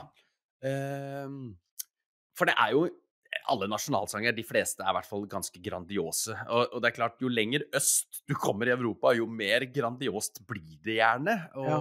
og, men jeg syns det norske er en sånn fin, fin avveining mellom grandiositet og at vi fortsatt er litt uh, Har beina litt på jorda. Det er ikke sånn fullt ut uh, ja. mega. Og hvis du ser bort fra kanskje noen litt sånn halvproblematiske ting i teksten, så handler det jo om historikken til landet, og hvordan man liksom bygde det, og fra, liksom fra så hogg det ut fra stein, bortimot. Uh, den følelsen du får. Og du får den derre Og så er det, tror jeg, noe med Jeg, jeg er litt sånn jeg er selvsagt alltid litt skeptisk til nasjonalisme når det blir usunt, for det har jo en tendens til at noen som ikke burde Altså at noen misbruker det greia der. Ja, vi vet jo at nasjonalisme ikke er så bra i seg sjøl, men nasjonalfølelse og nasjonalstolthet ja. i, en, man, i den det du snakker om, takknemlighet, følelsen av at vi har fått til noe i det landet her som eh, er fint, og at vi har samhold hvert fall hadde. Jeg tror, det er mer sommerlig land her man tenker. Det er bare at uh, man blir litt sånn uh, opptatt av mye annet dill i tida vi lever i. Men sånn, hvis, du, hvis, ting, hvis vi virkelig må skrape i bøtta, så kommer det fram mye fint. Uh, så um, jeg synes det var nydelig at du dro fram den. For jeg, jeg, har òg kjent litt på det der, men jeg bruker ikke å se på talene heller. Så Å ja, stemmer det. Talene, det glemte jeg. så, så Føler, jeg har den følelsen litt jeg, når jeg ser det. Ja, og så fant jeg faktisk ikke solist, eh, norske solistkors på uh, Tidal. Men til alle som vil høre den, så ligger jo selvfølgelig ta Kongens tale på NRK nett-TV. Og der er den jo med hele smæla, så hør den der med god lyd, og du får samme frysningene og tårer på kinnet som meg, tenker jeg. Ja, for det er ikke, helt, det er ikke sånn blandakorkvalitet på det der. Det er en ordentlig. Det høres ut som de har sunget før. Ja, og det, det er så ironisk at man er en soloist, solokor, altså solistkor. Ja. Det er noe motsetning der, og det må jo bety at de er utrolig sterke solister som bare Ja ja, vi kan synge litt i kor òg, da. Greit. Og så er det noe gøy med nasjonalsangen, som jeg sa. Den har, har den åtte eller er det ni vers? Nå må jeg se her. Den varer åtte-ni minutter, i hvert fall. Ja, og, og for eksempel vers fem det er jo det, det er litt glemte femteverset. Hårde tider har vi døyet, ble til sist forstøtt. Jeg tror aldri, jeg har aldri i mitt liv jeg har lest eller hørt det verset noen gang. Så, eh, men fantastisk, fantastisk, fantastisk, og takk for at du Uh, anerkjenner. litt Anerkjenner og det. Så uh, takk for meg. La oss ikke dra ut det her for mye. La oss gå rett over på noe helt annet. Vi drar tilbake til både Kanskje ikke så mye gutterommet, men mer klassefest, eh, klasserom, anno Frode, tolv år, 1986. Hva var det største som skjedde i 1986, eller nå det aller, aller største? Da blei søstera mi Marte født. I Lars sitt liv så var det det aller, aller største som skjedde i 1986. Og da var Lars sju år. Eh, det var vel en langhåra eh, fyr borte fra USA som rørte litt på seg, var det ikke det, Frode? Jo, det var en gjeng med langhåra folk eh, som kalte seg fra, fra New Jersey. Som, eh, ja. Og det er ikke Bruce Springsteen, men det er det andre. Bon Jovi. Og jeg, jeg trodde aldri at jeg kom til å nevne Bon Jovi i denne podkasten her. For eh, et av de mindre kredible bandene jeg kan ha dratt fram når man skal hylle, og i hvert fall sette det på førsteplass. Men nå må jeg jo ta hensyn til anthems. Jeg må ta hensyn til unge Frode. Hva er den første ordentlige anthem han husker? Jo, det er jo selvsagt 'Living on a Prayer'. Oh. Eh, en av de største låtene deres, selvsagt, eh, om ikke en av de største låtene fra 80-tallet, generelt. Eh, 'Slippery When Wet'. Ikonisk album.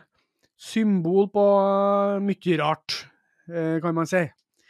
Det var jo ikke sånn at eh, det her er, De var jo verdens største band på den tida her, og kom ut av ingenting. Og for oss eh, på Bergsmo skole, eller Bæsjmo-skolen, eh, som det heter lokalt, i 1986, eh, da vi gikk der i, eh, i sjette klassen, så det var jo ikke noe større. Altså, og det, når du Nei. spilte av det albumet der Vi kunne spille, sitte på klassefesten og spille av hele det albumet. Nå, Klassefester var ikke noe jeg satte veldig pris på, fordi det, det kunne være litt sånn erting og greier som ikke jeg var så glad i, retta mot min person, for at jeg var en litt sånn eh, sjenert, uh, blyg type. Men når det fungerte, og når vi alle bare var glad i og hørte på musikk og dansa og kosa oss, og når det ikke var noe sånne ting, da er det for meg eh, lukta av ostepop, eh, sølt cola og svette og armhuler. Eh, og dansing sving, Det var en sånn svingdansing. Man, satt, man dansa swing, og da jeg lærte man måtte danse, danse første gangen. Det var forferdelig og artig på en gang. Det er mitt minne til 'Living on a Prayer'. Det første minnet. Og det andre minnet er jo selvsagt det nevnte coverbandet The Poodles, der jeg har fått lov til å stå og gaule 'Living on a Prayer'. Og så eh, foreta eh, en forhøyning i, eh, i låta som kommer uti der. En modulering. Når det tar helt av. Og så, Du synger den sangen, og du synger 'Living on a Prayer', og det går så høyt som vokalist, da, førstevokalist. Og så moduleres det! Og så skal du inn på det! Og jeg, jeg er tenor, første tenor, men det er en utfordring du gir videre til publikum. Som kan stå og gjøre det. Og hvis eh, du har lest litt fun facts eh, og historikk, og hører litt på den låta, så hører du at kanskje ikke he 100% John Bon Jovi, eller John Bon Giovi, Bon Giovi, som han heter. Bon eh, som, eh, som synger liksom Det du hører mest, det er 100 vokalspor bakom, der hele bandet står og det, og det må nesten til. Men det er jo løft, da, for et annet helvete når det der foregår. Det er jo Grand Prix-triks, og det er jo og hele låta Så det går helt Og det var, du kunne jo Tenk en hit som har eh, Det er litt sånn som et Take On Me, kjempelang intro. Her er en kjempelang intro! Og det bygges og det bygges. Og litt sånn Final Countdown òg, samme år. Det er sånn samme greia. Altså, og så er, er liksom du har allerede begynt å løfte det veldig, og så kommer det refrenget første gangen, og så tar det videre av. Og um, det er helt ko-ko, ikke sant? Helt ko-ko. Ja, Taket løfta seg greit eh, på kroa i Bø når dere dundra ut med henda-låta. Eh, mer enn under Holly Diver, for å si det sånn. Ja, og det var en Det brukte vel å komme som en av de siste låtene, om ikke som ekstranummer, tror jeg. Det var, Ja, Final Countdown var vel kanskje den siste. Ja det, det var den aller siste med store konfetti og alt det dere kjørte på der, på i hvert fall den siste gangen. eh, Ja, det var den andre gangen. Eh, for en låt, for en eh, Altså, og i samme kategori som den norske nasjonalsangen, en låt som kan altså ødelegge så totalt hvis noen som ikke helt kan synge, prøver seg på, på sånn type Idol og Norske Talenter og sånn. Det er jo som at noen sitter og drar en katt i halen. Ja. Men en god vokalist eh, og L- og eller originaltagninga, og kjære vene som det trøkker til, altså. Det er jo nesten ikke Jeg vet ikke om det er noen versjon som kan fungere, egentlig, for at du må ha det der eh, Jeg vet ikke. Mystikken og bygginga og klimakset. Jeg vet ikke. Men nå har ikke jeg hørt uh, liveopptredenene de siste åra, men jeg antar jo at han har blitt litt dypere i målet også, eh, John Bond. Sånn at de har vel lagt den sikkert ned litt, sånn at han fortsatt kommer seg opp. Tre-fire Det- tonearter. Apropos, apropos Take On Me, for jeg så den der litt sånn akustiske konserten med a-ha, og der har jo nå Morten Harket tatt trikset med å gå ned i, i Ikke sant? At han Ja, ja. gjør om refrenget Ja, så han ikke skal høres Ah, ut som en, eh, en katt. Ja. Snakk om å gjøre seg sjøl en bjørnetjeneste, sånn, Ja. sånn vokalmessig i hvert fall. Men eh, vil du ha noen Men- fun facts mens vi er i gang? Ja takk! Uh, bon Jovi var usikker på om 'Living on a Prayer' ville passe, med liksom at de var litt sånn hardrocka eh, og retninga deres. Eh, og de var til og med villige til å plassere det på noen filmmusikk utafor albumet. Og han derre Desmond Child, som har skrevet så utrolig mange låter, han var jo med og skrev den låta her. Som, eh, det var han som overtalte Richie Sambora, da, gitaristen og låtskriveren, til å ta med eh, låta på albumet. Um, de skrev 'Living on a Prayer' og 'You Give Love a Bad Name' og andre låter i kjelleren til Samboras mor i New Jersey, sammen med Desmond Child. Og satt i kjelleren der og skrev det. Uh, det originale coveret for 'Slippery, Slippery When Wet' var en, var en busty eh, woman, altså litt sånn stor dame, kanskje. Busty. Kanskje det. Ja. I gul skjorte. Men det ble endra til en våt, svart sveppeplose med albumtittelen skrevet i vann. Grunnen til endringa er ikke klar, men det var antakelse om at den opprinnelige coverkunsten ble ansett som sexistisk.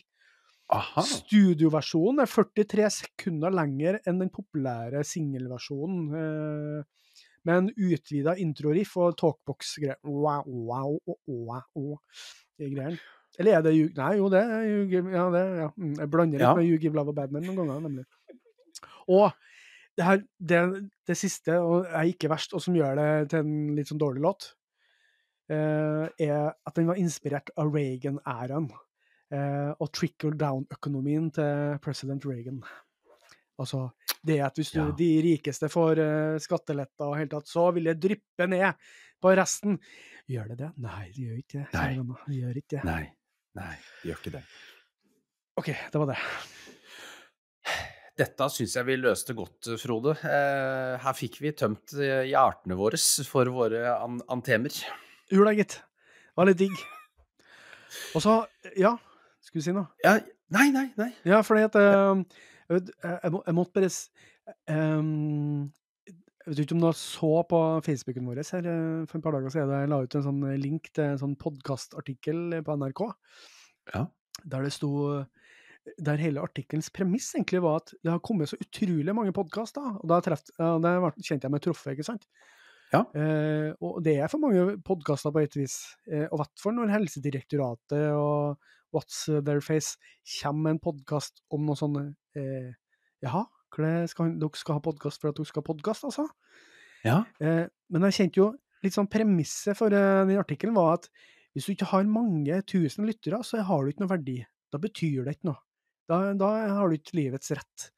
Og da kjente jeg at jeg ble så irritert. Jeg ble sånn Jo, har ikke vi det artig, Lars? Ja, for da vet du hva jeg gjorde med den artikkelen? Jeg trykte på den røde knappen i eh, Norske Talenter. Du er ikke videre. Eh, For det Jo, for vi, vi Dette er vår hobby. Ja. Vi driver med dette fordi vi syns det er gøy. Og så er vi jo så heldige at det faktisk er noen flere, som du skrev, noen flere enn våre foreldre og, og ektefelle og sånt noe som hører på det.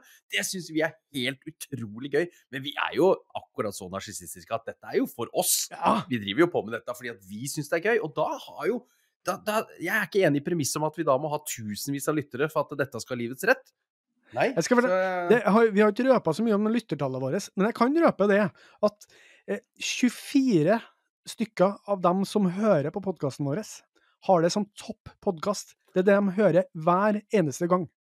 Altså, 24 personer hører på hver eneste episode, uansett. Og det, Det er den, det er den de hører mest på podkaster. Og jeg er ikke en av de 24. Nei, ikke jeg heller. Eh, jeg prøver å høre litt eh, I starten hørte jeg på alt, og så har jeg nå skjønt at nei, nå er vi så gode at nå trenger jeg Ja, det er akkurat derfor. Nei da. Men, eh, så, så det er liksom 24 reelle. eh, Andre enn oss. Ja, og eh, med all respekt for det NRK driver på med, jeg har såpass respekt for de 24 der, og så glad i dem, at eh, vet du hva, hvis det har verdi for dem, da er det en verdi utover at vi sitter og koser oss òg. Så jeg, jeg, jeg satte meg faktisk ned og skrev en kronikk etterpå, som jeg sendte inn til NRK Ytring, som ble ganske bra, syns jeg. Som jeg kanskje skal Ja. dele senere. Eh, Men eh, fordi at eh, Men eh, den ble jo Å få en kronikk på NRK, det det er som å lete etter nåla i høystakken, for det, det er en umulig oppgave, nesten. Eh, De var ikke så interessert i det. Jeg Fikk den tilbake, men takka for bidraget. Men, Ja, ja, ja. Jeg, men jeg skrev litt om de greiene her, da. For det blir litt sånn som jeg skriver i kronikken. Det handler litt om hva med det her massevis av rockebander ute der, som vi snakker en del om. Ja! De som spiller for 50 personer, for 20, for 100. Eh, og der de og øver og koser seg glugg i hjel og har så mye livsglede i å skape og, og gjøre ting sammen. Også, og hva med de publikummerne, der en stor andel da sikkert koser seg, for de går på konsert med dem. Ja. Er, har det liten verdi, da, for at det ikke er tusenvis som hører på? At det ikke er 500 000 som uh, hører på dem, sånn som i podkastsammenheng, der NRK visste uh, en podkast som de har, har, da. For NRK har jo de største podkastene. Hvorfor har de det? Jo, de har de største kjendisene, de har det største apparatet. Vi, de, vi gir dem pengene våre for at de skal lage innhold. Klart de er størst. Og da føler jeg det føler urettferdig å bli sammenligna med NRK, for å si det sånn. Helt rett. Og, og er, du drar en god sammenligning der, for vi kjemper jo litt for de små, Ja. ukjente banda. Hele jungelen, underskogen. Eh, og vi har ikke noe imot at noen blir store og får et stort publikum. Tvert imot, helt topp. Men det er jo den skogen som gjør at noen kan eh, Ja. komme seg opp. Eh, så ja. Godt jobba med kronikk. Eh, bu til NRK. Og heia Lars og Frode. Ja, heia oss. Og andre eksempel, da, bare for å ta. Eh, Hva med skolerevyen? Hva med studentrevyene vi har vært med i? Hva med, hva med folk som bare har en forestilling? Folk koser seg, de koser seg. Har det ikke noe verdi, det? Jo, det har det. Det er ikke sikkert alle kommer til å like det, og at det er så høy kvalitet, men Nå har. Frode, bli, nå har Frode bikka 50, Ja! så nå kommer det der, Nå kommer det rett fra levra. Yes! Nå har han blitt en av de Om du vil høre på eller ikke, her kommer mine meninger rett fra levra, for jeg er over 50. Og eh, det her var jo en baktanke med det, for jeg jeg laga en liksom tale som jeg la ut på Facebook på 50-årsdagen min, og da sa jeg at nå kan jeg endelig begynne å sutre og Yes! kvele folk med meningene mine. Og nå har jeg skrevet min første kronikk, og det var jo nettopp fordi at jeg har fylt 50. Nå må jeg jo begynne å skrive kronikk! Å, det er kjempebra. Det er kjempebra. Uh, så jeg har en viss ironisk distanse til det. Men jeg, jeg mente det. Jeg mente det. Uh, og så jeg mente jeg skrev. OK, nå har vi holdt på lenger enn vi tenkte etter at vi er ferdig med lista. Det var ikke meninga, men jeg kom på det. Nei. Du, Lars, vi høres neste gang, og da blir det årets album pluss låter. Årets album! Vi høres neste gang, Frode. Å, herregud, det, det blir en vanskelig oppgave. Hei. Åh.